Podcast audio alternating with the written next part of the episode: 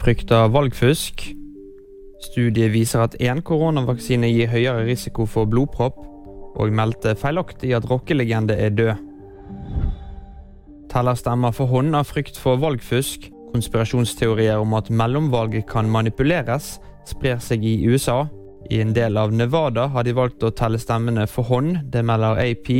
I mellomvalget skal innbyggerne i USA bestemme hvilket parti de ønsker skal få mest innflytelse i Kongressens to kamre, Representantenes hus og Senatet. Har høyere risiko for blodpropp.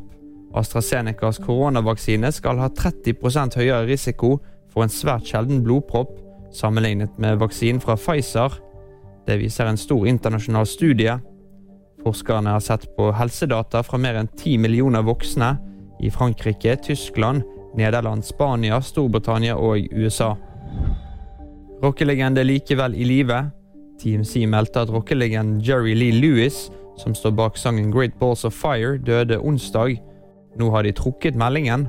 Nettstedet forklarer at feilen med at noen som utga seg for å være 87-åringens representanter, sa at Lewis var gått bort. Det var VG-nyhetene. De fikk du av meg, Kristoffer Gåsvær Torgersen.